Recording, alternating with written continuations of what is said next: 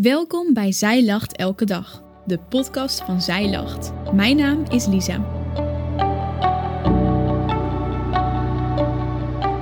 Dit is de overdenking van 5 augustus, geschreven door Lisa. Mijzelf dus. Toen Zij Lacht nog maar twee dagen bestond, kreeg ik een mailtje binnen van Danielle, founder van Power to the Mama's. Ze vertelde me hoe tof ze het initiatief vond en drukte me op het hart om af en toe ook zelf de tijd te nemen om aan de voeten van Jezus te zitten, als het me te veel werd. Ik vond het een lief gebaar, maar ik wimpelde het in mijn hoofd weg. Het lukt wel, dacht ik. Te veel zou het mij niet worden. Maar dat werd het dus wel. Precies een week na de lancering barstte ik in huilen uit bij een vriendin. Een klein ogenblik zag ik het niet meer zitten. Ik ontving het zoveelste berichtje van iemand die een fout ontdekte en ik hoorde van iemand dat ze niks van het concept snapte. Begrijp me niet verkeerd, alle positieve reacties zijn geweldig, echt, maar het lukte me niet helemaal om die kritische reacties los te laten. Nadat mijn vriendin mijn moed in had gesproken, reed ik naar huis. Al rijdend dacht ik terug aan de woorden die Danielle me eerder stuurde. Ga aan de voeten van Jezus zitten. Terwijl ik hier aan dacht, moest ik ook ineens denken aan een vrouw uit de Bijbel die ook aan Jezus voeten zat. Letterlijk. We lezen erover in Lucas 7, vers 36 tot 50. Het is een lang stuk. Een van de fariseërs nodigde Jezus uit om bij hem thuis te komen eten. Jezus kwam in het huis van de fariseër en ging aan tafel. Er kwam een vrouw naar hem toe. Iedereen wist dat ze een hoer was. Ze had gehoord dat Jezus bij die fariseër in huis was en had een kostbaar kruikje vol dure parfum bij zich. Ze knielde huilend bij Jezus neer en liet haar tranen op zijn voeten vallen. Daarna droogde zij ze af met haar haren. Ze kuste zijn voeten en zalfde die met parfum. De fariseër die Jezus had uitgenodigd zag dat en hij zei bij zichzelf: Als deze man echt een profeet was, zou hij wel weten wie en wat die vrouw is die hem aanraakt. Dan zou hij wel geweten hebben dat ze een hoer is. Jezus zei tegen hem: Simon, ik moet je iets zeggen. Hij zei: Zeg het, meester. Jezus zei: Er waren twee mensen die van iemand geld hadden geleend. De een moest 500 zilverstukken terugbetalen, de ander 50 zilverstukken, maar ze konden hem die allebei niet terugbetalen.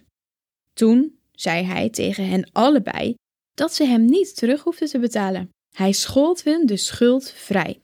Wie van die twee zal nu het meeste van hem houden? Simon antwoordde: Ik neem aan de man die de grootste schuld had. Jezus zei tegen hem: Dat heb je goed gezien. Toen draaide hij zich om naar de vrouw en zei tegen Simon: Zie je deze vrouw?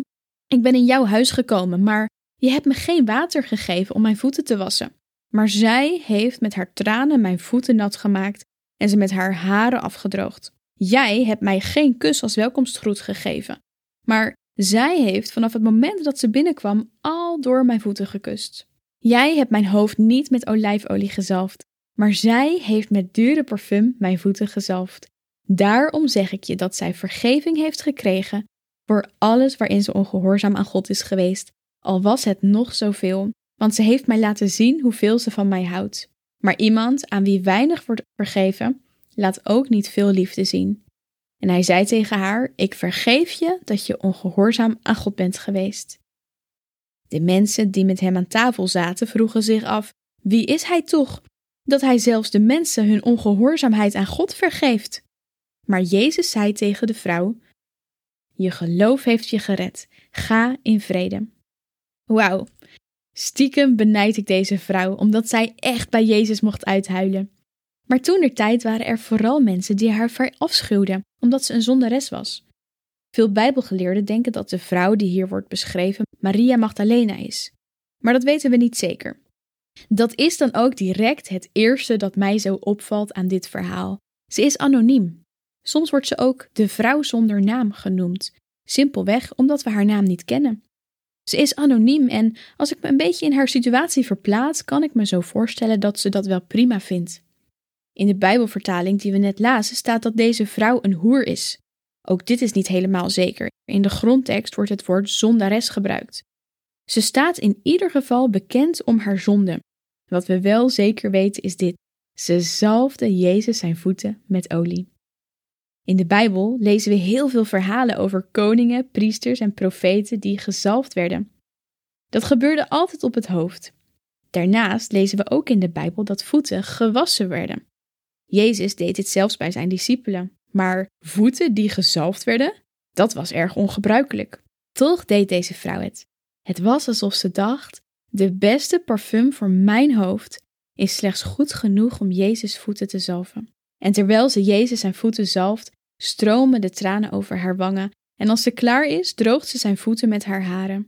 Simon kan het niet geloven als hij dit allemaal heeft zien gebeuren, in zijn eigen huis nota Kennelijk kijkt hij zo neer op deze vrouw dat hij hierdoor niet eens kan geloven dat Jezus een profeet is, omdat hij het allemaal maar toelaat. Maar Jezus hoort zijn gedachten en vertelt hem een verhelderende gelijkenis. Nadat hij hiermee klaar is, zegt hij drie dingen tegen de vrouw. 1. Ik vergeef je dat je ongehoorzaam bent geweest aan God. Jezus zegt tot twee keer toe dat de zonden van deze vrouw zijn vergeven, in vers 47 en in vers 48. Waarom moest hij het nog een keer herhalen? Het antwoord is voor mij kristalhelder. Soms moeten we er goed aan herinnerd worden dat God ons heeft vergeven. 2. Je geloof heeft je gered. Deze vrouw had geloof nodig om überhaupt de stap te nemen om Simons huis binnen te komen en Jezus' voeten te wassen. Wat een lef. En 3. Ga in vrede. Dit verhaal eindigt met ga in vrede. Jezus wenst de vrouw vrede toe. Gebukt gaan onder zorgen en zonde is vermoeiend en vooral erg zwaar. De vrede van God hebben we dan juist zo hard nodig. Alleen al door dit verhaal te lezen ervoer ik Gods vrede. Het was alsof ik zelf, het was alsof ik zelf aan Jezus voeten mocht zitten om de stress er even uit te huilen. Alsof hij me vriendelijk toesprak en me zegende met vrede. Ik wens je toe dat jij die vrede ook mag ervaren. Dat je mag weten dat je aan Jezus voeten mag uithuilen als het je soms te veel wordt en dat Hij je troost.